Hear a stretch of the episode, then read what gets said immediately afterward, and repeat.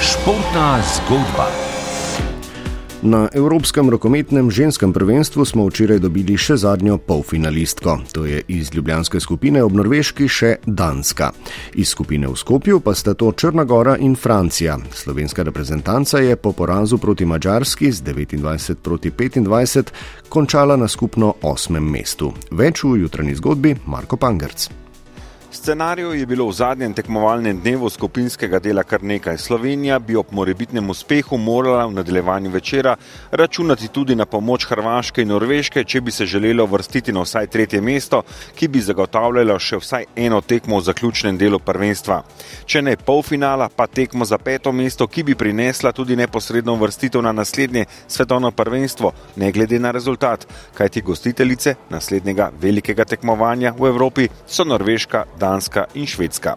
Slovenke niso premagale Mačark, švedske rekometašice so bile v tekmi brez rezultatskega bremena, za tretje mesto boljše od Hrvaške, v večerni tesni tekmi za vrh skupine pa je Danska za prvo mesto v skupini bila boljša od Norvežank.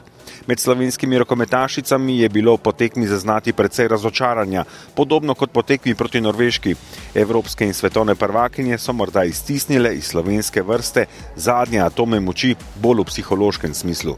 Mačarska zmaga je bila včeraj posem zaslužena, slovenske besede pa obrnjene k obžalovanju, da vsaj za zaključek, če ni šlo še više na tem turnirju, bi morale rokometašice zmagati to tekmo in se tako zahvaliti tudi gledalcem, ne samo tem v stožicah, pač pa tudi tistim iz celske skupine in celotni športni javnosti. Sanje o medalji niso bile pretirane, realno je bila morda tekma z Norveško tista, ki je priprla vrata v lovu za zares odmevno uvrstitvijo. Tudi osmo mesto je po 18 letih tudi najboljša uvrstitev oziroma izboljšanje lete slovenske ženske reprezentance na evropskih prvenstvih, z naskokom pa najboljša uvrstitev te generacije, ki verjamem, da še ni rekla zadnje besede.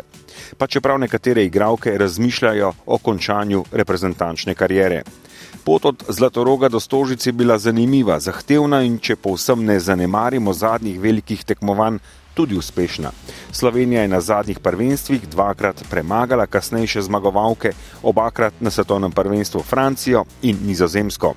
Tokrat tudi vse polfinalistke tanke, te bodo v polfinalu igrale s Črnogoro. V tekmi med Francijo in Norveško se bodo križali olimpijski naslov iz Tokija ter evropski in svetovni. Za peto mesto bosta igrali Nizozemska in Švedska. Vse zaključne tekme bodo v Ljubljani, polfinalni tekmi bosta na sporedu jutri.